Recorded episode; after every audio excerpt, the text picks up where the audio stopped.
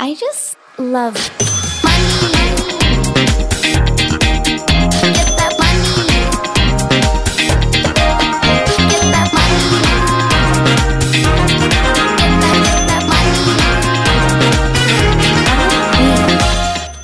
Mandag og velkommen til en ny episode av Karrierekvinner. I dag er jeg i studio med jentene fra selveste Stack by me, og det er en stor ære å ha dere her, jenter. Hei! Hallo! Tusen takk. Velkommen til Karrierekvinner. Takk. Kjempegøy. Ja, veldig, veldig gøy å ha dere her. Um, før vi går inn i episoden, så har jeg veldig lyst til at våre lyttere skal bli godt kjent med dere. Så kanskje du, Madeleine, har lyst til å starte? Fortell litt hvem du er, og hva Stack er. Stack by me. Ja. Eh, hei, Madeleine her. Jeg er da 32. Jeg sier alltid 30, men, eh, men jeg er faktisk henger litt igjen. Ja. Sier fremdeles 23. Ja. Eh, Jeg har én kid på halvannet snart, eh, bor i Larvik, eh, og har eh, jeg har jobbet i finans egentlig hele min karriere. Jeg begynte i Pareto som 22-åring, ja, Hmm. og var der i åtte år. Eh, Og så startet vi Stack der for to år siden. Eh, og ja, jeg har studert finans på NHH, da, og eh, ja, ja, det var egentlig kort om meg. Og Stack er jo da denne her appen eh, som meg og Kristine lager, eh, hvor man kan kjøpe fond, og snart også aksjer og kanskje NFT-er og annet sånn morsomme investeringsobjekter fremover. Så vi har laget da på en måte ikke, ikke bare for kvinner, men vi har laget noe som er fokusert på kvinner, og vi tester det på kvinner, sånn at man slipper sånn der eh, Google Home-problematikk med at eh, den responderer dårligere for kvinnestemmer og sånn. Oi, det visste jeg faktisk ikke. ja, faktisk. Det var superinteressant innlegg fra Isabel Ringnes eh, i forrige uke. Så var det sånn debatt rundt det. da, Men det er ikke bare Google Home, men det er også eh, Face ID på telefonene. Gjenkjenner kvinner sånn 10 eh, dårligere, videre. Det gir jo mening, for jeg må liksom virkelig prøve fem ganger før jeg får eh, Ja. Kan det være av sminken? Eller? Nei, jeg vet ikke, men de tester jo bare på menn, så de kjenner igjen Ja. trekkene på menn bedre. Visstnok. Det er veldig irriterende. Ja, veldig. Så, ja, og det var jo det vi syns med investeringsplattformer òg. Veldig irriterende at de er så macho og mannlige og overkompliserte. Ja, helt enig. Ja. Virkelig. Og eh, Stackbamy har jo fått et eh, kallenavn som er Instagram for investeringer. ja! Ja, Det er Kristines doing, så det tror jeg er sånn fin eh, loop over til Det eh, er en marketing genius. Veldig kult. Uh, ja. Ja, altså liksom litt videre fra det Madeleine sier, da, at det fins så eller det er veldig mannsdominert bransje, dette med investeringer. Så vi tenkte jo liksom veldig sånn Hvordan kan vi gjøre dette gøy? Hvordan kan vi engasjere spesielt flere kvinner? da? For det er jo et kjempestort kapitalgap og ja, et stort problem. Eller egentlig veldig mye som veldig mange går eh, eh, glipp av da, når man ikke er med på dette, denne investeringsscenen. Så ja. eh, hvor, ja, jeg kan jo si kort om meg også. Ehm, ja, Grunnen til at vi sitter her sammen, er jo at Madeleine og jeg har vært eh, venner veldig lenge. Så vi har liksom alltid snakket mye business, men alltid vært litt sånn på, i hver vår bransje. Jeg kommer fra marketing og har eh, ja, jobbet for Chanel og for Gucci og kategorisjef i Vita som siste, det siste eh, ja, jeg gjorde før Stack. Mhm. Eh, og har da liksom jobbet uh, veldig alltid mot det norske markedet. Eh, veldig målrettet mot kvinner. Eh, og ja, vært med på liksom, Spesielt i Chanel og Gucci så var det ekstremt fokus på branding. Hvordan liksom egentlig beskytte de merkevarene, og hva som skal til for å bare jobbe med noe sånt sinnssykt ville merkevarer som de er. Og med Vita så da satt jeg litt på andre siden av bordet og jobbet med store, mye mer kommersielle merker sånn som L'Oreal, Max Factor, Isadora. Og bare, da hadde vi liksom store budsjetter til marketing. Mm. Eh, ja, Vita laget eh, YouTube-kanal og på en måte gjorde mye, da, så jeg har vært med på mye gøy. Og så da, ja, da Madeleine kom og pitchet denne tidlige stack-ideen, så ble vi jo veldig fort sånn bare sånn ah, Ja, hvordan skal vi liksom faktisk gjøre det annerledes, da? Det er ikke noe vits å lage yet another, men noe som eh, er litt kulere. Og da tenkte vi sånn, hva er det vi ville hatt? Jo, Instagram for investering. Ja, jeg anerkjenner at Kristine er ikke kulere enn meg, så det var derfor jeg tok kontakt med Kristine.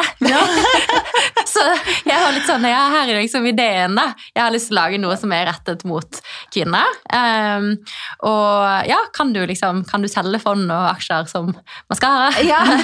og Kristine bare, å, fett, ja.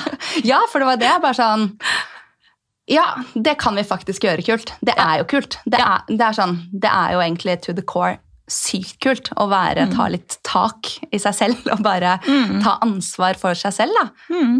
Det er kulere enn å kjøpe en maskara. For dere har jo tatt et veldig på en måte, kanskje sånn avansert eh, type produkt og gjort det til noe Altså forenkla det såpass mye og gjort det såpass egentlig lukrativt og attraktivt at det nå frister å på en måte skulle altså inn og lære mer da, om aksjer og om eh, investeringer og, og alle disse tingene. Så gratulerer med det. Og dere har akkurat eh, lansert Ja, appen. ja, veldig gøy. Soft-launchet. fond, ja. Eh, men altså, vi er liksom i disse dager nå at vi bare kommer til å slippe opp for absolutt alle. Vi valgte å ta det litt sånn ja, puljevis og slippe til folk, fordi man eh, klarer alltid å luke ut noen bugs på veien. Eh, ja, men altså neste uke Og ikke bare bugs, altså brukeropplevelser også. Jeg Ja. synes det er veldig interessant, for vi hadde tenkt at de fleste brukerne kom til å være veldig opptatt av å kjøpe fond, og fokuserte veldig på at den flyten skulle være bra. Men så viser det seg at vi har jo laget Instagram for investeringer, hvor du kan følge folk og se hva andre gjør og sånn, at eh, de var vel så opptatt av det. Eh, Så det er kult, for da har vi jo truffet med at det er det de vil ha. da. Mm. Så da måtte vi forbedre den funksjonaliteten litt også. Ja, og det er også et veldig kult, eh, altså, kult konsept, at man faktisk kan se hva vennene sine investerer i. Ja, Det er veldig gøy. Ja, det er liksom veldig basert på dette com- community ja, og stalker-greiene. Altså, jeg tror jeg er den største stalkeren på Stack nå. For det er, sånn, det er så gøy når vi nå liksom ser Og nå kjenner vi jo veldig mange av Hashtag de som stalker ja, starter, så jeg syns det er kjempegøy å gå inn og se på profiler. da. Og, og herlighet, liksom. Ja, I helgen og sånn så gikk jeg jo rundt og liksom bare viste sånn Jeg ser på min stack. Alle bare Å, herregud, nå har hun blitt helt gæren. Ja, men eh, jeg tror det er en del av, av konseptet, da, at det skal være gøyere og kulere og mer folkelig. Og de fleste gidder ikke gå inn og se på, eller har ikke tid da, eller overskudd etter en lang dag på jobb, eh, og barn, og man har andre ting, ikke sant? Eh, til å gå inn på YouTube og drive og se masse YouTube-filmer for å lære seg. Det er man ikke inn på, det spør en venn. Og så er det mye gøyere hvis man gjør det sammen med en venn. fordi det å ta en telefonsamtale til en venninne og si hei, hvordan går det, hva kan du hjelpe meg med dette, det er en hyggelig greie. Gå inn på YouTube alene og sitte og liksom se filmer inn og ut. Mannen min er veldig glad i det. Eh, når det gjelder å montere sykler eller bygge hus eller hva det skulle være. Men eh, jeg syns det er jo mye hyggeligere å ta en telefon. Mm. Så kanskje det er litt sånn en jentegreie. Ja. Ikke? Eller bare sjekke profilen. Ja, ja. Og nå trenger, trenger du ikke ringe engang. Ja. Du kan jo bare sjekke profilen. Det er ikke like hyggelig, da. Ja. Er det sånn man kan se hvem som har vært inne og sett, eller? Nei. Kanskje det må komme som en funksjon. Men uh, ja, nei, så vi har jo egentlig basically bare bygget den investeringsplattformen som vi selv er keen på å ha, da. Eh, og som vi nå syns er kul å bruke. Mm. bruke selv. Så da tenker vi, da må jo alle andre synes det er gøy òg. Mm. Ja, definitivt.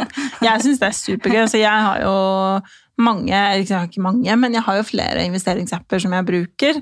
Eh, og nå tiltrekkes jo på en måte mye mer mot eh, Stack me også fordi at den er litt mer tiltalende da, til det jeg ønsker å se, og det jeg ønsker å på en måte bli forklart, ikke minst. Eh, fordi går man f.eks. inn på Nordnett, så eh, det er jo ikke noe forklar... Det er jo ikke noe kursing, det er jo ikke noe på en måte Det er jo sånn som du sier, Madeleine, at man må jo inn på YouTube da og så begynne å søke altså hvordan investere.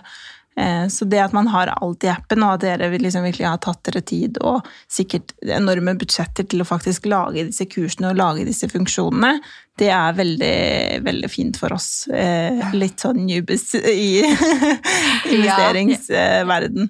Ja, og det er jo masse på Nordnett, men det at de har liksom sånne kjeder, og alle har det, alle bankene, det er jo faktisk pålagt eh, fra Finanstilsynet å komme med masse informasjon om produktene.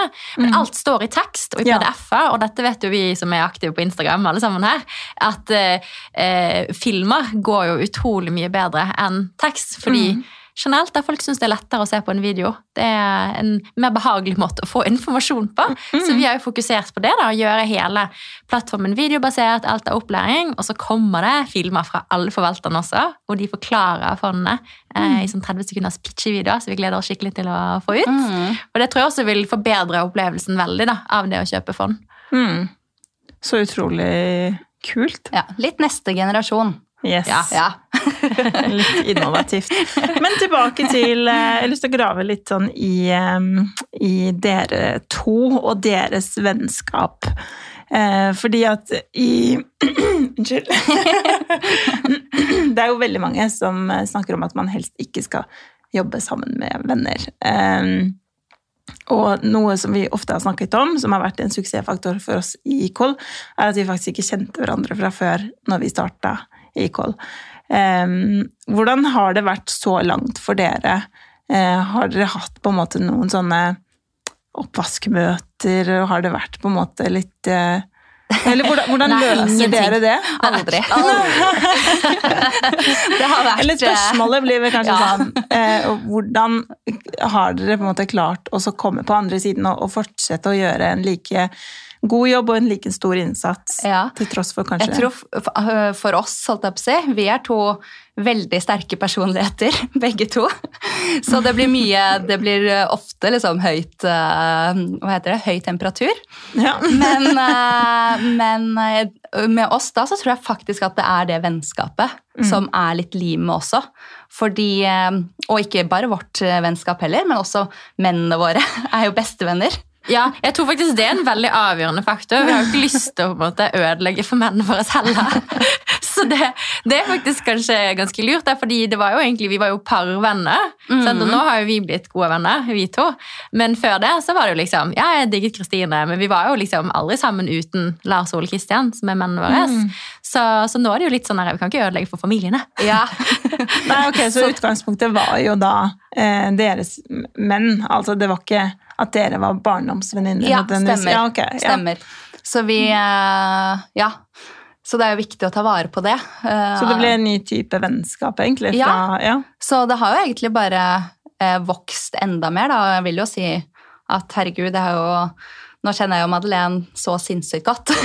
og også så sykt mye mer respekt. Altså Ikke at jeg ikke hadde respekt for deg før, Madeleine, men det er sånn, ja, man blir jo utrolig godt kjent. Og det at vi Jeg tror også det at vi er begge to ekstremt eh, sterke, da, mm. er bra. Fordi hvis ikke så hadde den ene eh, blitt overkjørt.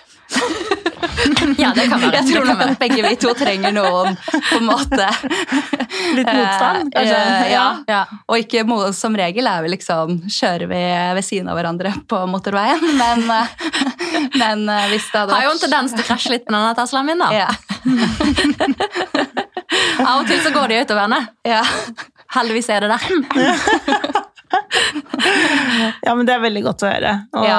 det er veldig godt å se også, for man ser jo at dere har et veldig godt samarbeid. Og det er eh, inspirerende for kanskje også andre som har lyst til å starte noe med venner, men er redd fordi at man også hører veldig mye sånn 'helst ikke gjør det', og eh, Ja. at det på en måte kan Jeg tror liksom være et liksom problem. at eh, Grip de mulighetene man har, liksom. Ikke tenk eh, 'Å nei, vi er venner, så vi kan ikke gjøre det sammen'. Eller Mm. 'Å, jeg kjenner ikke disse personene fordi man må jo kjenne hverandre'. Eller sånn, Mm. Folk sier så mye rart, eller forskjellig.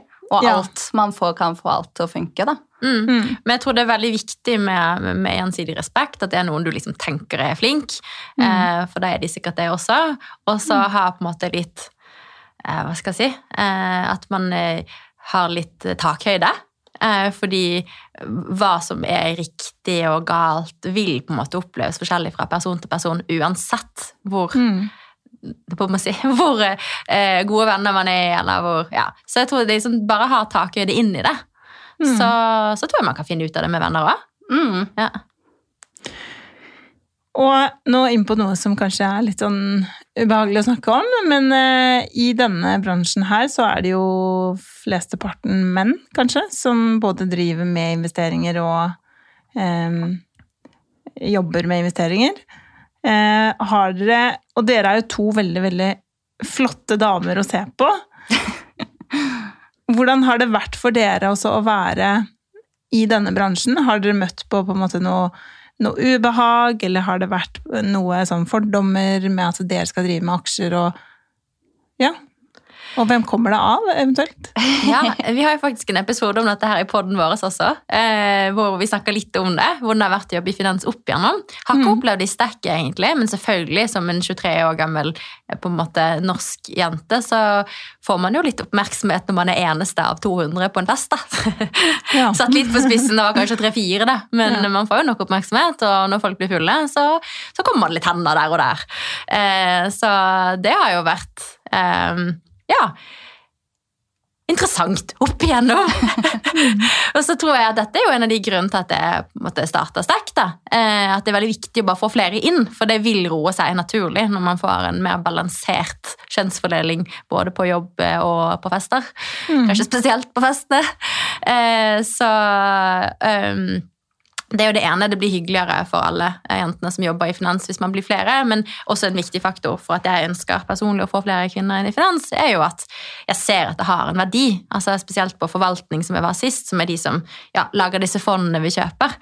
Eh, der er jo på rentesiden og på aksjesiden viktig å, å tenke på risiko.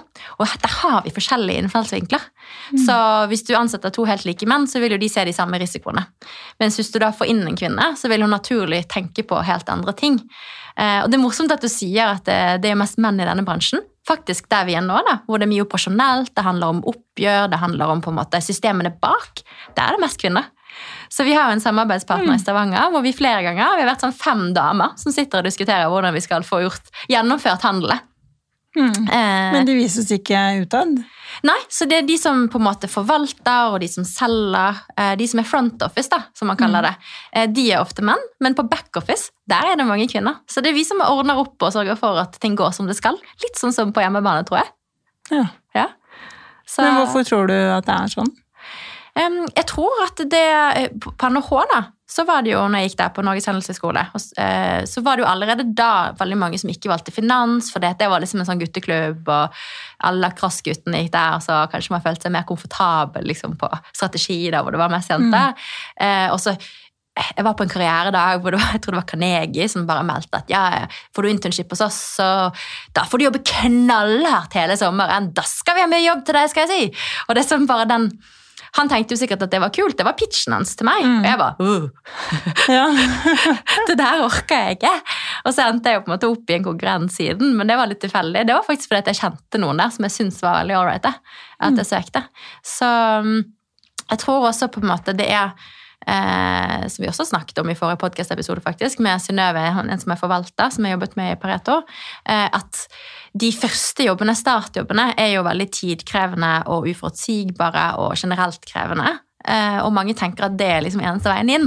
Mm. Eh, men det er det jo ikke. Det fins masse andre på en måte, områder av finans som er mye roligere. Ikke sant? Ja. Og Kristine, har du opplevd noe? Ja. Eh, jo, altså når vi nå liksom startet eh, Stack, da. Vi merket jo veldig sånn i starten, når vi ringte rundt liksom, for å skaffe oss partnere eh, Det er jo sinnssykt mange systemer som skal opp på plass, og vi snakket med mange engleinvestorer. og på en måte, ja, Vi snakket med mange, da, og da fikk vi veldig sånn Ikke en generell holdning, men ofte da, at vi fikk sånn Oi, jenter, her eh, tenker dere stort, og eh, dette er egentlig ganske sånn komplekst.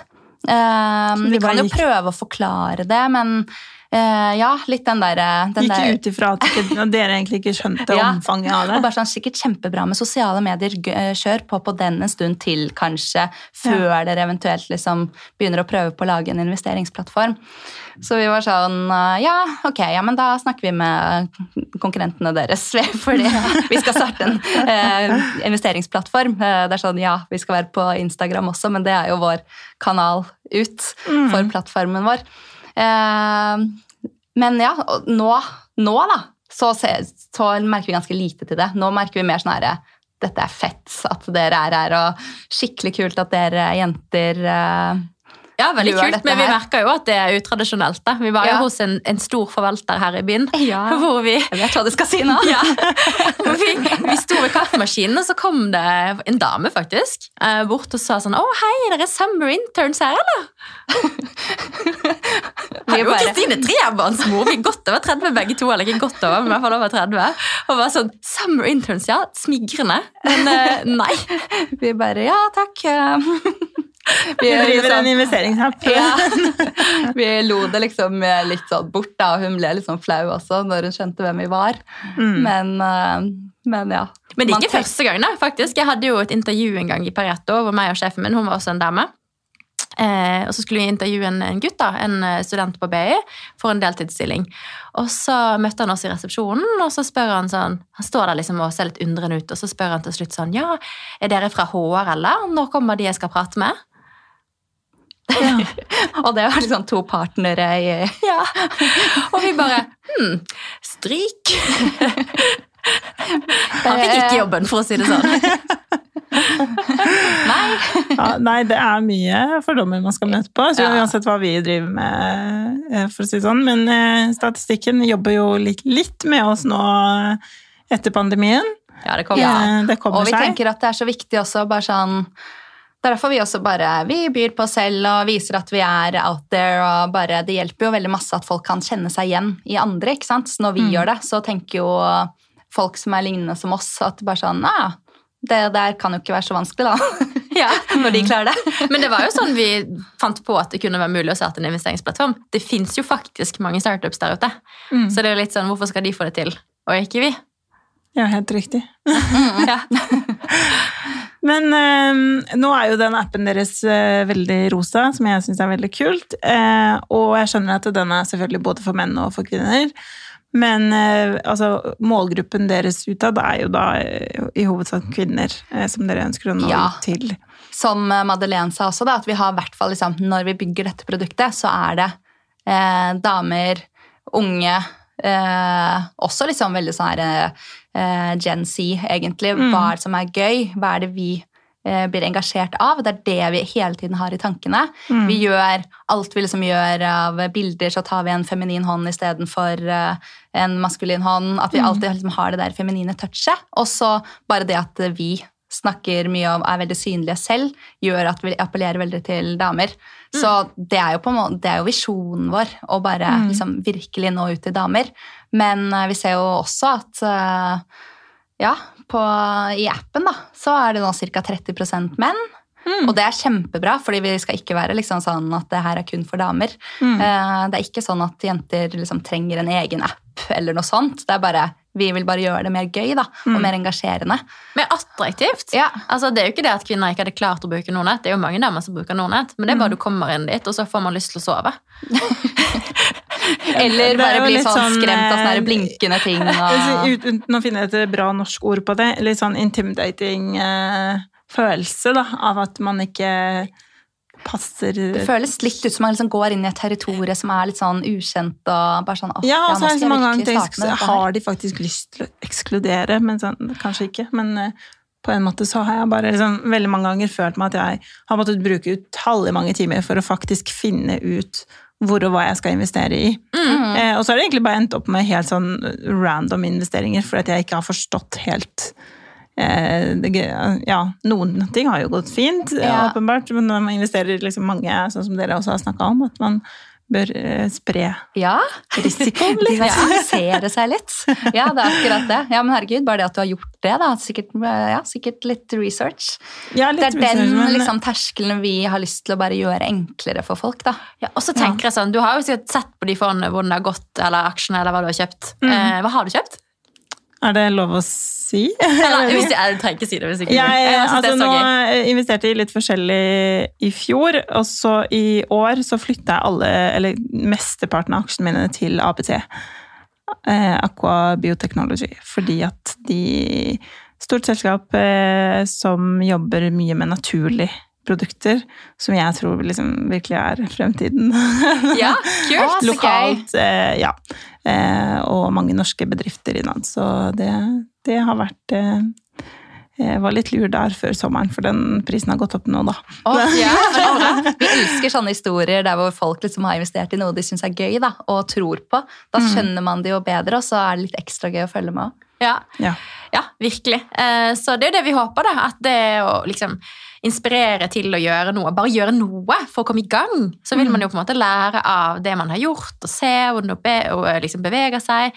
Og så tenker vi at det ikke er så farlig egentlig hva man investerer i første gangen, og hvis man er på en måte ja, virkelig vil være på en måte den sikre siden at det ikke er et dumt valg, så er det sånn. Det er globalt indeksfond. Ja.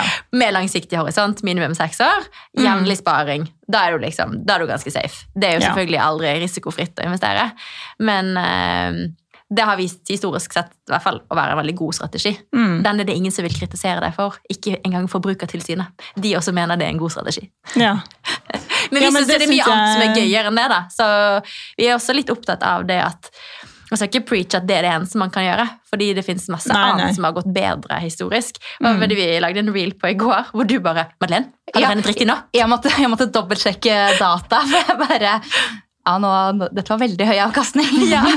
Men eh, teknologi da, de siste ti årene altså Ja. Hadde du investert 100 000 for ti år siden, så hadde du hatt opp mot en million i dag. Mm. Eh, mens eh, pga. grunn av rentas rente ikke sant, blir så utrolig stor på ti år når du har ja, det er vel sånn rundt eh, 8-9% høyere avkastning på teknologi enn den globale brede indeksen. Mm. Eh, så de 6 prosentpoengene i forskjell per år, det blir mange hundre tusen på ti år. Ja, ikke sant. Bare, det var jo 400 000 i siste eksempel. Jeg bare, ja, men det er et annet fond jeg snakker om da. og sånne ting kan jo være gøy. Ok, Så risikerer du kanskje at de neste ti årene så tjente du litt mindre. Men, eh, men mange liker jo den oppsiden og det å følge med på teknologisektoren fordi man er liksom interessert i det og tror på det. Mm. Jeg personlig er jo tech-CEO, og eh, jeg bare ser hvordan Google klarer å få meg gang etter gang etter gang til å oppgradere de beep abonnementene mine. Fordi jeg, jeg, så drivene mine er fulle, da. Og så gidder du ikke rydde. Du har ikke tid en hektisk hverdag, så bare oppgraderer du. Ja, du er en stjerne på det, Kristine. Hva da? Oppgradere Google Drive. eh. Tenker du på at jeg hadde høy eh, Du hadde sånn 600 kroner i månedspris, hadde du ikke? Jo, eh, jeg skulle bytte telefon eh, nå rett før sommeren, og så skulle han eh, fyren i eh, mobilbutikken da, hjelpe meg å bare overføre alle bildene mine til den nye telefonen. Og det gikk jo ikke. Nei, for du hadde- hadde så mye. Hadde, så mye, så jeg hadde jo over 70 000 bilder. Så han bare Jeg har faktisk aldri vært borti noe lignende. Så da fikk vi liksom satt opp da, sånn at jeg måtte ha Du bare, kan ikke miste noen av de 70 000. Nei, det kan jeg faktisk ikke. Det jeg tenker på, det er sånn 60 000 selfies snart. Få starte sånn Kim Kardashian. Så, så jeg tror veldig det er av sånne ting personlig på, på en måte. Teknologi vil fortsette å gjøre det bra fremover, selv om det har vært høyprising historisk. Men på en måte, det er jo en bet jeg tar. Men, eh, så alle må jo på en måte bare være klar over at det er en risiko man tar. da. Mm. Eh, men så lenge man er klar over det, så ser jeg ikke noen grunn til at vi skal pushe alle inn i kjedelige indeksfond. Eh, bare fordi det er billigst. For det er ikke bare billigst som har noe å si. Nei. Selv om det selvfølgelig er den eneste tingen man garantert kan si noe om. En grei inngang, Mm. eh, eventuelt. Eh, Ja. Men hvordan kan vi, altså eh, kvinner da, som ikke har gjort noen investeringer, eller som ikke helt har forstått dette konseptet, det var jo meg i fjor, jeg bare, ok, jeg er tydeligvis alle investerer, så jeg må investere. Men hvordan kan vi bli bedre? Hvordan kan vi komme i gang? Ja, og det er jo litt sånn som Madeleine sier, eh, at man kan investere i tech, da, fordi eh, Madeleine er veldig interessert i det. Man kan jo også liksom, man kan investere i mote, det har jeg gjort. Motefond. Man kan investere i Det er så kult. Ja, i eh, mat og drikke og konsumvarer, på en måte ting som man alltid har et forhold til. Da. Eller um, biler, eller sport, eller Altså, det er så mye. Um, og i hvert fall sånn, vi da, syns jo at så alt liksom, vi har gjort av research, så engasjerer det enda mer enn sånn at når du går inn på StackUpen, da, vi har liksom bevisst gjort da at istedenfor å få opp en liste med 2000 forskjellige fond fra A til Å, Mm. eh, som ja kan sorteres eh, på forskjellige måter, men man vet liksom ikke helt hvordan man skal gjøre det, så har vi bare laget masse bilder med disse kategoriene. da, eh, Biler, sport, mote. ikke sant? Og så kan man trykke på disse bildene og så se hva fins innenfor disse kategoriene. Og så på den måten da, bare browse seg litt rundt, og vi tenker at da blir det litt mer gøy, og så kan man bare adde litt eh, noen fond til handlekurven, og så etterpå så kan man gå over og se hva er det som ligger her nå. Ja, fjerner det, fjerner det. Litt sånn som jeg nettshopping. Ja, det blir litt sånn shopping. Moteshopping. Ja, og det også er jo liksom Det er man jo vant til. eh, akkurat hvordan liksom det funker, da. Mm. Så Og hvis ikke det er intuitivt nok, så kan man gå inn på introkurset. Det har vi jo åpent, hvor vi på en måte går gjennom alt det viktigste du trenger å vite. Og har til og med laget en sånn stegvis video hvor vi liksom viser appen og hvor du trykker her og sånn. du. Ja. Ja. Ja. For det er jo veldig mange som sier det også. bare sånn, Ja, jeg vet, akkurat som du sa, så alle investerer jo, og jeg burde gjøre det. Um, og det, er sånn, det blir jo en mer og mer sånn trend nå at man burde gjøre det. Men det er mange som sier sånn Jeg vet det, men åh, skulle bare ønske at noe liksom Kan ikke noen bare gjøre det for meg. liksom? Kan ikke du bare si akkurat hvor jeg skal trykke? Ja, det var akkurat det jeg tenkte. ja. Så det er det vi liksom har prøvd å liksom gjøre det. Også at liksom bare appen minner om Instagram. Man, Mm. man eh, skjønner på en måte litt hva man skal gjøre. da. Men det er en veldig kul strategi, fordi at det kjenner folk jo til, og jeg tenker at dere har utvikla en app som på en måte egentlig holder deg litt i hånden da, på den reisen. Ja, Og det er litt hyggelig. kult. Det er Ja. det vi har prøvd. Ja. Nei, veldig, veldig gøy. Og jeg husker jeg fant jo appen deres eh, lenge før eh, vi ble kjent, men eh, jeg tror det var på Ski Community eller noe sånt, at dere var oppe på scenen der. Ja, og så, Ski Conference. Okay, Ski eh, Conference Ja. var det, ja. Eh, og da lasta jeg ned den appen, så var jeg bare sånn Halleluja! Å, herregud, så hyggelig. Det var veldig, veldig gøy. Så, så dere er veldig godt jobba der. Men jeg tenker, eh, det også må jo ha fulgt en del sånn investeringer fra andre. Eh, Eller at det har vært For å bygge en app er jo kostbart. Ja.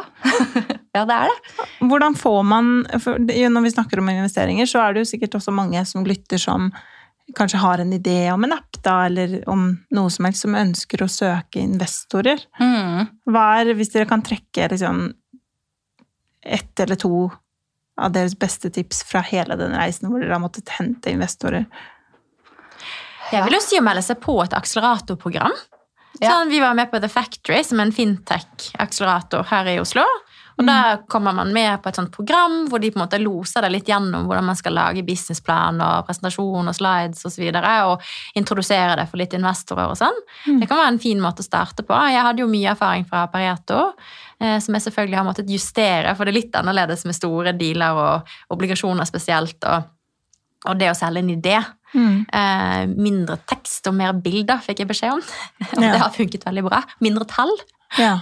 Oh, ja. Eh, ja, mer sånn visjon. Mindre tall, for jeg har liksom tanke, Eller jeg har en sånn eh, tanke om at eh, investorer vil se tall. Ja, men det, først så vil de liksom se den der visjonen bare i et sånn kort Ah, dekk, ti slides. veldig- ja, og så liksom andre møte, så dypdykker man, og da skal man ha tallene på stell, liksom. Ja, men jeg følte at det var ingen som ba om modell i forrige runde. Nei, I den ikke forrige, første ikke første runde. Da var det egentlig bare sånn Ok, har du regnet sånn noenlunde på at eh, dette går rundt? Og så er det Ja. sånn Ja, Nordnett og Avanza går veldig mye i pluss. Ja, vi hadde, jo veldig, vi hadde jo veldig sånne benchmark um, businessmodeller vi kunne se til på en måte å sammenligne oss med. Mm. Eh, så bare ja, finne noen i bransjen som allerede har lykkes, og så se Mm. hvordan de gjør det. da. Og så må man jo bare alltid ta antakelser basert på det er det eneste man kan gjøre Mm. tidlig, da, basert på hva andre gjør. Finne ut hva andre tjener, hva har andre i kakk, si, hva- eh, betaler andre for kunder, hva betaler Mm. eh, ja, Hvor mye sitter de igjen med hver kunde? Ja. Ja. Trenger ikke være så komplisert. altså Jeg hadde jo side opp og side ned i Excel, men, men det vi egentlig bare hadde trengt i første runde, da, det var en sånn enkel eh, tommelfingerberegning på liksom, kan dette gå rundt. Mm. Hvor mye tror vi klarer å tjene per kunde? X. Hvor mye tror du det kommer til å ha i kost? Y. Og så har du sluttsummen. ja. Liksom ha et bra business case som du tror på selv, Mm. og så er det jo ideen og teamet og liksom hvorfor du er den riktige personen da, til Mm. å gjøre dette her. Ja. Og så skal det sies at i forrige runde så gjorde vi jo på en måte Det var noen fond, da, eller hva man skal kalle det for, mindre konstellasjoner av folk som har satt opp mindre investeringsmiljøer. da. Mm. Men det var jo også veldig mange venner og bekjente. Så jeg tror det er egentlig det beste tipset. det at jeg måtte ikke være redd for å spørre de rundt deg. Mange av de har jo glede av det, å faktisk investere i businessen din for å hjelpe deg videre. Mm. Det var faktisk noe min mor sa, som visdomsord. Hun har noen innimellom. Men eh, det var, jeg synes alltid det var veldig sånn Å nei, jeg vil ikke ta imot noe fra farmor og farfar, fordi jeg syns det var så ubehagelig å liksom få ting Mm. liksom servert. Jeg vil liksom tjene penger sjøl. Og hun bare sånn herregud, skal du ta fra din farmor den gleden hun har av å hjelpe deg? Ja. Selvfølgelig. Så det er litt det poenget. Man må tenke litt på at hvis noen investerer, mine venninner som har investert kanskje mellom 50 og 100 000 i forrige runde, sånn halvparten av gleden deres var jo liksom å backe en kvinnelig gründer som var en venninne som altså sånn, De ser på pengene som tapt, og godt er det. så håper vi at vi kan overlevere. Eh, Så ja, spør, start med litt venner og bekjente, eh, vil jeg si. Og kanskje ikke Ja. Ja. Ja, Bruk alle du har i nettverket ditt, og Ja. på en måte be om introduksjoner, fordi alle kjenner noen. Mm. Og start et sted, på en måte. Sånn som med dere òg, da. Det er jo et topp eh, Nå har jo vi eh, vært med i Equal eh, Community. Ja.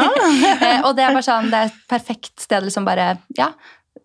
skap deg et nettverk, på en måte. Selv om har man det ikke fra før, så er det ikke umulig viktig. å få. Det er så viktig, og det er så vanskelig noen ganger å få andre til å forstå viktigheten av det. Fordi når du først er i det, og kanskje har fått kontakt med de riktige menneskene, så, så forstår du jo det, selvfølgelig. Men eh, sånn utenfra så, så er det så mange som, som går glipp av så mange muligheter fordi de ikke helt forstår dette med nettverk, og hvor Mm. viktig det er. Ja, og ikke være redd for å cold reache. Eh, altså sånn på LinkedIn, eller bare finne telefonnummer på gule sider. Jeg fant jo masse navn på en database som heter impact.io.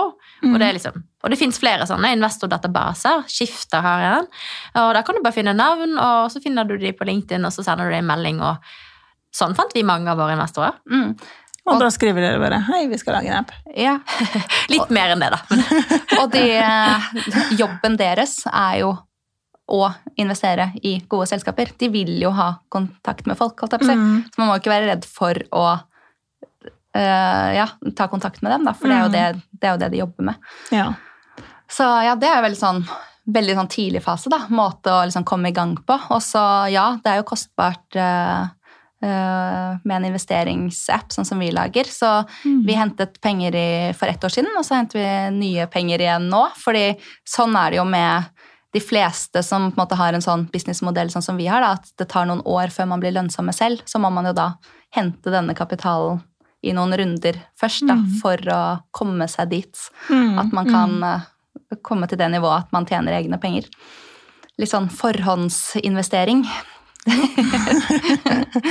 Så ja. Fundraising har vi også brukt mye tid på. Ja. Og det har Hva er det som har vært best av alle type ting dere har prøvd? med tanke på fundraising Eh, nei, altså investeringer generelt til dere fra investorer.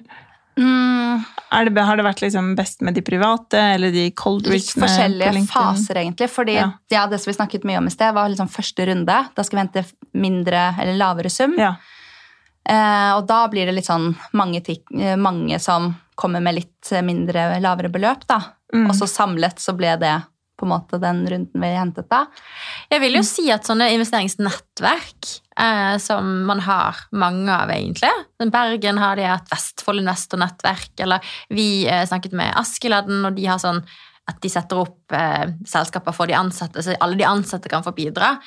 Konstellasjoner hvor du kan treffe mange med én pitch, det hjelper veldig, fordi eh, ja, det å liksom skulle administrere og pitche til liksom, Jeg tror det er 28 stykker i det selskapet til Askeladden. Eh, Askeladden-ansatte. Eh, det er veldig mye jobb. Det tar veldig mye tid. Så hvis du skal snakke med én som snakker med mange, så hjelper det veldig. Samtidig, det å administrere liksom ja, Nå har vi 24 eller 28 eller noe sånt investorer direkte hos oss. Mm. Men hvis du liksom ser bak AS-ene, så kanskje det er over det dobbelte. Det er mange liksom, navn og punch inn i Altinn, det er mange tegningsblanketter, det er mye admin. Som er, og hvis du går gjennom Folkinvest eller noe sånt, da, eh, så har jo de systemer for å administrere det for deg, men det er fortsatt ganske mye manuell jobb. Ja. Eh, så det å få liksom mange inn i ett AS som vil investere i deg, det er kanskje det beste tipset. Mm. Sånn at folk fortsatt kan investere små beløp, men uten at det blir for mye jobb for deg. da. Mm. ja, for det også er jo Og På det stadiet som vi er nå, så skal vi da liksom hente større beløp, og da er det jo veldig gunstig. Da snakker vi med en litt annen type investorer, da. Mm. Mer sånn WC-fond og ja, sånn kanskje kan ta liksom ganske mye større deler av dealen. mm. Eller hele. Eller vi får se. Ja. Det er så spennende å Ja. investere. Ja. Eh, og et sånn praktisk spørsmål, har, dere da, få, har de fått aksjer i selskapet deres, eller hvordan kan man eventuelt løse det? Ja, det er på en måte det de, det er det de kjøper. Da, Ja. da kjøper de eh, 10% eller 20% av selskapet, så får Mm. vi de pengene. Og så blir da alle som hadde aksjer i selskapet fra før, blir på en måte utvannet eh, da. Ja. Så da blir det liksom Man, man lager jo nye aksjer, ikke sant? Ja. Eh, så sier vi sånn, disse nye aksjene er verdt X, og så kommer de inn på eiersiden eh, med en prosentandel, men da vil jo vi som eier det 100% før, eie litt mindre etter transaksjonen. ja, det er klart. Så det er jo det som kalles en emisjon, for å, dette er sånn finansgreie for å gjøre det ekskluderende. Vi bare finner på fancy navn for Ja, men det er veldig fint å få en sånn forklaring på det, for jeg tenker at eh, veldig mange av våre lyttere vet jeg på en måte driver og vokser og vokser og vokser, Ja. og har også ønsker om å ja, gjøre en emisjon og selge ut litt aksjer, få inn litt investorer. Mm. Så um, det blir absolutt veldig aktuelt. Eh, så det mm, Men man kan også gjøre det som et lån. Eh, Ja. det er jo, man kan gjøre konvertible lån, eller det vi gjorde første runden, aller første runden. Eh, Mm. Da fikk vi bare igjen 300 000, men det var liksom det vi trengte for å bevise at vi ikke var gale. Ja. Så vi, vi gjorde en slipp, eh, som er egentlig en tegningsrett. da. Eh, men da basically selger vi en rett til å kjøpe seg inn i neste emisjon for en lavere pris Mm. eh, til x antall kroner. Så de kjøpte for 300 000 en rett til å investere til bokverdi når vi gjorde neste emisjon. Ja. Og det er mye mindre administrasjon, du slipper å melde inn til Altinn, eh, og det fins maler for den type transaksjoner inne på Startup Lab sine sider. Startup Lab. Ja. Så, og det som er viktig, faktisk, et veldig kult poeng som vi også kommer til å melde på Instagram, men at hvis du investerer i startup selv, Mm. eller du pitcher til andre som skal investere i startupen din, eh, hvis du investerer mer enn 50 000, tror jeg det, eh, gjennom et AS, så er det sånne skatteinsentivregler i Norge som gjør at du får halvparten tilbake på skatten. Nei. Ja, så det er veldig viktig informasjon å få ut, egentlig. Eh, og det oppdaget jo jeg først egentlig når alle disse regnskapsførerne til de som hadde investert i oss forrige runde, begynte å liksom spørre meg om noe Asher 292, altså jeg husker ikke. Men eh, det står også på Startup Lab sine sider, så står det et dokument der eh, hvor de forklarer denne skatteinsentivordningen. Så det er bare viktig at man følger opp det. Så utrolig nyttig. Ja, Takk for veldig godt tips, det var veldig lurt. Jeg, jeg har jo investert litt sånn forskjellige selskaper, men det har jeg gjort privat. Ja. Og det skal jeg ikke gjøre. Nei, gjør det gjennom et AS. Jeg tror det kreves. Eh, og så må man sørge for også på den, det selskapet som emitterer, som utsteder de nye aksjene, de må også gjøre noe regnskapsgreier på sin side. Ja. Anbefaler å spørre regnskapsfører om det. Ja. Gjelder det holdning også, eller kun AS? Eh, ja, holdning er jo et ass. Ja, Ja. Så, så det gjelder begge. Ja. Nei, men Kjempefint. Takk for godt tips. det var jeg fornøyd med.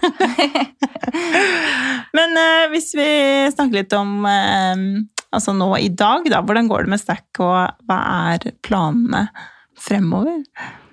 Ja, herregud, vi er midt i, midt i lansering og midt i closing av uh, fundraisingen, holdt jeg på å si. Det som vi snakket om, å hente eh, mer penger. Eller ja, få inn investorer. eh, så det er jo skikkelig spennende tider. Eh, Mm. Det er sånn super eh, Ja, litt nervøst egentlig, men veldig, veldig gøy med lansering. Det å bare liksom være på lufta nå, det er jo det vi har jobbet for i to år. Skikkelig kult. Og så, nei, så fremover nå Nå lanserer vi da fondshandel. Det er liksom første steget eh, i, med Stack, at man kan kjøpe fond. Og så skal vi begynne å Vi har alt på en måte klart da, med avtaler og diverse for å få inn aksjer. Så det kommer vi til å jobbe med. Ja, vi håper at vi lanserer det på nyåret. Mhm. Og så, ja, så har vi liksom en eh, lang rekke da, med nye funksjoner, og nå begynner liksom alt det gøye, for nå har vi Mm. fått på plass liksom den basic eh, appen. Så jobbe litt ut ifra tilbakemeldingene. Ja, sikkert, og, bare ja. virkelig liksom ta masse, ta til oss alt vi får av feedback nå. Eh, og det var veldig gøy, fordi bare nå de første ukene så har vi fått så mye feedback på det community-delen da, Mm. av liksom, hvordan skal man følge, hvordan kan man følge tilbake, eh, liksom, at det er så stor interesse rundt det. Og Mm. det gjør at vi har da, da har vi bumpet opp på listen vår, da, prioriteringslisten. bare sånn, ok, Den følg tilbake-knappen, den må opp nå. Eh, Mm. så vi liksom hele tiden tar til oss feedback. Så ja, nå skal vi liksom bare Nå skal det bare bli bedre og bedre. Så for alle som har eh, appen nå, da, så vil de jo se at det kommer Sikkert nesten hver gang de logger inn, så er det en ny versjon. Ja. Så det er ganske mange, eller i hvert fall Aldri kjedelig. kommer liksom Ja, så vi hele tiden adder noe nytt eh, nå, da. Eller fikser en bug, eller eh, Mm. Ja, så nå begynner liksom Og nå har vi ansatt, eller liksom blitt et større team. Eh, Så gøy. ja, så det er liksom Nå er vi litt sånn i skillet mellom det å liksom Ja, gå fra fra scratch og å være startup til å være scale-up og bare Fra startup til scale up. Ja. Ja. Men jeg synes jo også at det er veldig kult at vi har jo ikke brukt noe penger på markedsføring ennå, men Mm. gjennom sosiale medier da, så har vi jo bygd oss opp eh, til ja, over 3000 brukere i appen som har lastet den ned, og vi har jo ja, 9000 følgere nå på Instagram og TikTok. Mm. Eh, så ja, 400 000 impressions tror det var totalt i juli. Ja, i- per måned, ja. Ja, og det sier jo bare noe om hvor Det sinnssykt, ja, Ja. hvor sinnssykt mange impressions folk må ha da, for å laste ned en app. Men det er jo veldig kult at vi har klart det organisk, og så blir det jo Mm. veldig spennende da når vi skal begynne å faktisk legge på litt penger på marketing, da. Eh, hvor fort det vil gå, da. Mm. Eh, men eh, vi har jo syntes at det har vært viktig å holde det igjen eh, til produktet er bra nok. Det er viktig å på en måte starte litt forsiktig. Mm. Og så kan man jo heller da eh, ja, dure på med markedsføringsbudsjetter og sånn Christine Magic eh, når vi føler at produktet er bra nok. Ja. Legge på litt sprinkles på toppen Ja, der. Men det er jo den beste måten å bygge på. Det er jo, eh, som jeg pleier å si, altså, det er jo en snøball som skal rulle. Mm. Og når den begynner, så er det jo så mye lettere å legge på ja, litt sånn som budsjetter òg, men før du på en måte har bygd den snøballen og laga den og fått den til å rulle så vidt, Ja. så kreves det jo en del jobb, og det har jo dere absolutt gjort veldig, veldig godt. Og så har vi jo da i de siste Så vi har jo drevet med dette deltid egentlig eh, ganske lenge. Så begynte jeg fulltid i januar, og Kristine begynte vel fulltid i fjor september, så snart et år. Så det er jo ikke så lenge vi har holdt på, da, men sosiale medier startet vi jo med en gang, så to år tar det jo på en måte Det er tregt i begynnelsen. Det er veldig få som vil følge noe med liksom 100 følgere. Mm, og i starten så må man jo også lage liksom content. Sånn, hva skal jeg Veldig lage nå? mye, Ja. Ikke sant? Mens nå, hit hvor vi har kommet nå, så skjer det jo så sykt mye. Ja. At det er, sånn, det er nesten et problem. og bare sånn, herregud, Kan vi snakke om ti ting på én dag? Det blir litt mye for folk. så det er sånn at man liksom Det er så mye Altså, alt må ut! Ja, alt må ut, ikke sant? Men det som jeg også synes er veldig kult, da, og kanskje relevant for lytterne her, da, det er jo at eh, ved å på en måte legge ut masse organisk først, så har vi også lært oss hva som går bra organisk. Og så kan man jo da heller booste det som vi vet kommer til å gå bra, istedenfor å gjøre sånn som veldig mange av bankene gjør. ikke sant? De betaler jo massevis av penger for dritkjedelige reklamer som ingen liker, og da må du jo betale virkelig for hvert eneste view. ikke sant? Mm.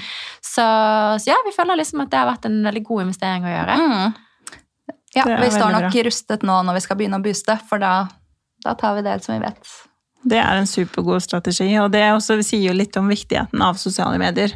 Eh, Så alle med en bedrift som lytter, det må dere ta til dere. Og teste, teste, teste før man begynner å legge annonsepenger. Ja. Um, ja, vi eh, skal jo i november ha et event eh, som heter Equal Payday. Ja. og det er jo et veldig viktig event, for det handler jo fortsatt om dette gapet i lønn. Eh, Som er mellom kvinner og menn, og som kommer av mange grunner. Ikke nødvendigvis bare fordi man er ansatt enn et sted og får mindre betalt, men også fordi vi selv er dårlige til å ta oss betalt og til å investere.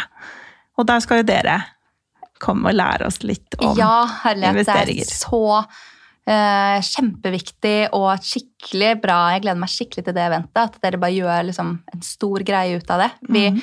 vi gjorde liksom, eller på Instagram eh, i fjor, da, så, så ble det jo ganske mye uh, føss, holdt jeg på å si. Det gikk litt viral med disse temaene Mhm. rundt uh, i november, da. Når den Hvilken dato er det igjen? 10. november. 10. november. det er litt forskjellig verden rundt, for de har jo litt Ja, forskjellige Det er det. eh, datoer eller Men det er så, sånn, det er så uh, visuelt budskap da, at fra 10. november og Så ut året så jobber damer gratis. Det er Mm. liksom det, den lønnsforskjellen eh, Ja, hvordan det ser ut. Og vår, vår ambisjon er jo at halvparten av kapitalmarkedet skal være eid av kvinner. Eh, i, på tvers av hele Europa. Eh, egentlig selvfølgelig hele verden, men på en måte kan roe meg litt. så vi sier Europa er vår eh, ambisjon internt. Men for at vi skal oppnå det, så må kvinner tjene like mye. Så Mm. lønnsgapet er jo på en måte steg én. Eh, og så kan vi jo investere de pengene. Mm. Og der er jo faktisk kvinner hakket flinkere investorer. Eh, faktisk viser det det at kvinner har i snitt høyere avkastning enn menn. Så kanskje vi kan tjene ja, så kanskje vi kan tjene litt mindre og likevel eh, utjevne forskjellen. Men det vil jo tiden vise. Mm. Ja, så det blir jo, Vi gleder oss skikkelig til det eventet, og da kommer jo vi til å snakke om dette. da, Akkurat det som du sier, Madeleine. At eh, da får vi ta vår del av kaka på investeringssiden også. Ta, hente ting der vi kan. Å, yes. Og det gleder jeg meg veldig, veldig til. Eh, gjøre litt sånn workshop, og kanskje gjøre en liten sånn eh, utfordring til de som sitter, eller oppfordring til alle Ja. som er der. Ja. Og kanskje gå inn i appen og investere der og da. Det Ja. hadde vært veldig gøy. Det er jo interessant hvordan eh, eh, si, Det å være lønnstaker, da, Mm. eh, det er jo veldig bra. Men de som blir aller rikest, og de som faktisk eier eh, mesteparten av verdien i Norge, jeg tror det er de, de 10% rikeste i Norge eier 50% av eh, formuen i Norge. Så det er ganske stor konsentrasjon på de aller rikeste. Og det er ikke lønn. Ikke? Det er investeringer.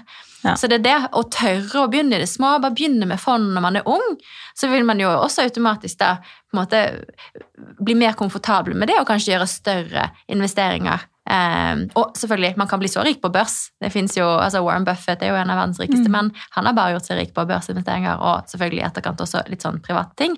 Men I senere tid, ja. Eh, ja, Mm. men eh, det var jo først og fremst børs han slo seg opp på, men det er jo også veldig mange som ja, kanskje syns det er litt skummelt å bli gründer og starte egen bedrift og betale inn penger i et AS. Mm. De 30 000 der. Eh, men, men hvis man ser på det som en investering, og at de pengene kan brukes til liksom, å generere mer penger, som jo er konseptet rundt aksjer, så tror jeg også vi kan få en kultur for det er lettere og vanligere også for, for damer når man har investert i fond i noen år. Mm. Og så kan man jo da det føler fall jeg er litt eh, morsomt. Vi har snakket mye om dette her om at vi har ikke lyst til å droppe å kjøpe caffè latte. Vi elsker eh, cappuccinoen vår på Starbucks. Ja, man skal ikke spare seg til uh, Nei. eh, alt. Ja. Nei, så vi er mer keen på det å investere, sånn at vi kan kjøpe kaffe på avkastningen. Det, Ja, den er fin. Den er Og- fin. Og jeg følte liksom at det der å, å slutte jobben eh, for å starte noe eget, det var mye lettere å rettferdiggjøre når du har avkastning fra noe. For det er liksom penger du har.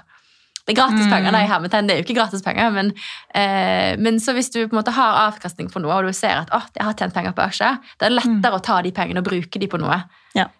eh, risikofylt, da, Mm. tror jeg, mentalt. Mm. Ja, ja, Ja. men 100% Så starte tidlig og starte smått. Det er Ja. det. Eller starte smått og starte tidlig. Og ikke minst for barna sine, kanskje. Starte med fond til barna allerede nå. Hvorfor ikke? Altså, Rentas renteeffekten på 18 år den er så sinnssyk. Man kan bare google sånn eh, rentas rentekalkulator eller compound interest calculator. Tast inn litt tall, og så bare ser du hvor sinnssyke summer det blir etter hvert. Altså, ja, BlackRock Technology, som er det eksempelet jeg hadde i går, 23% avkastning de siste ti år i snitt hvert år. Mm. Starter du med 100 000, så er du på nesten en million etter ti år, uten å putte inn en ekstra krone. Altså, her er det så mye bra at eh, jeg tror nesten vi må lage en Instagram-post om dette. hvor alle disse linkene og alt må komme frem. Det er helt sykt når man begynner å dykke litt ned i det, så bare åh, Ja, man blir litt gira. det gir plutselig litt mer mening hvorfor Ja. det er så spennende, og hvorfor det er så stort. Mm. eh, Og hvorfor man bør. Ja, så det er jo noe med det liksom Hvis man får lønn, da, som de fleste liksom, lønnstagere, man, man jobber, og så får man en lønn. Og da kan du spare så og så mye av den lønnen din. Mm. Men ved å investere litt ved siden av, da, så kan man bli veldig rik. man kan liksom, Istedenfor å bare spare en viss mengde av det man har tilgjengelig, så kan man utvide det man eh, eh, har til å bli veldig, veldig stort. Så Mm. det er jo den Det er litt mer sånn drømmende, da. En måte å tenke på også. Mm. Mm. Flere muligheter. Ja, det er så kult. Og det er jo en litt sånn myte det der at du kan tape alle pengene dine, så dette her bør du bare gjøre hvis du har råd til det. Det er sånn. Eh, ok, Hvis du kjøper en enkeltaksje, så klart den kan gå i null. Men kjøper du en bred global indeks eller et, bare et fond da med 30 aksjer, det skal Mm. altså sinnssykt mye til da for at alle de 30 aksjene går konk. Mm. Eh, og med mindre de går konk, eh, så er det alltid en sannsynlighet, en høy sannsynlighet faktisk, hvis du ser på historiske tall, for at de kommer opp igjen. Så det er det der med å ikke, ikke måtte selge seg uten noe er på bånn. Ja. Ja, så hvis man har langsiktig horisont, man anbefaler seks år for aksjefond, eh, så har i hvert fall historisk sett det vært eh, en veldig bra deal. Og så er det aldri noen garanti for fremtiden, men man kjøper seg jo inn i businesser som tjener penger.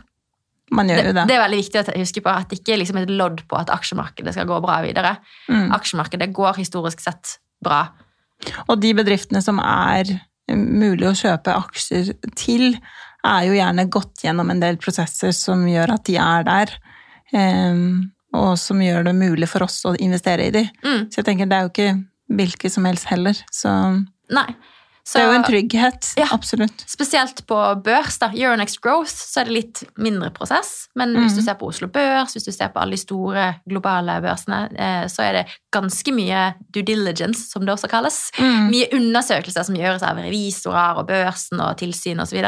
for å godkjenne og kvalifisere de for å gå på børs. Så Mm. der er det som oftest ganske store og etablerte selskaper som har råd til den prosessen. Mm. Eh, går du på Folkinvest eller Dealflow og sånne type plattformer, så kan det jo være litt mindre, mer risikofylte aksjer. Mm. Det er viktig å huske på. Ja, veldig gode tips. Ok, da tror jeg vi skal rappe wrappe opp denne episoden her. Ja, det blir veldig sånn, det blir mye pengesnakk og Det blir- investeringssnakk når du får oss i studio. Ja. Men vi elsker pengesnakk. Har Ja. du hørt introen vår? Det er bra. jeg jeg synes det er så kult. Der sitter vi tre eh, not to my own home, noen freshe damer og bare snakker om penger og investeringer. Jeg bare synes det er så kult. Ja. det er det beste. Det er det. Det er veldig gøy. Og jeg synes det er veldig gøy å kunne snakke om det også, og kunne få den, all den informasjonen og de tipsene fra dere, for det er jo ikke gitt at vi på en måte skal finne ut av det på egen hånd, så det setter jeg veldig, veldig stor pris på. Veldig hyggelig å få komme. Ja, tusen takk. Selv takk. Eh, Følg oss gjerne på Instagram på Equal Agency eller at stackbyme. Så kommer det et veldig fint innlegg eh, på Instagram på samme dag som denne episoden, der dere kan få alle tipsene fra dagens episode inn i en samlet post og masse goodies. Så Yay. følg oss gjerne videre, og så snakkes vi neste mandag. Ja. Ha det! Ha det. I just love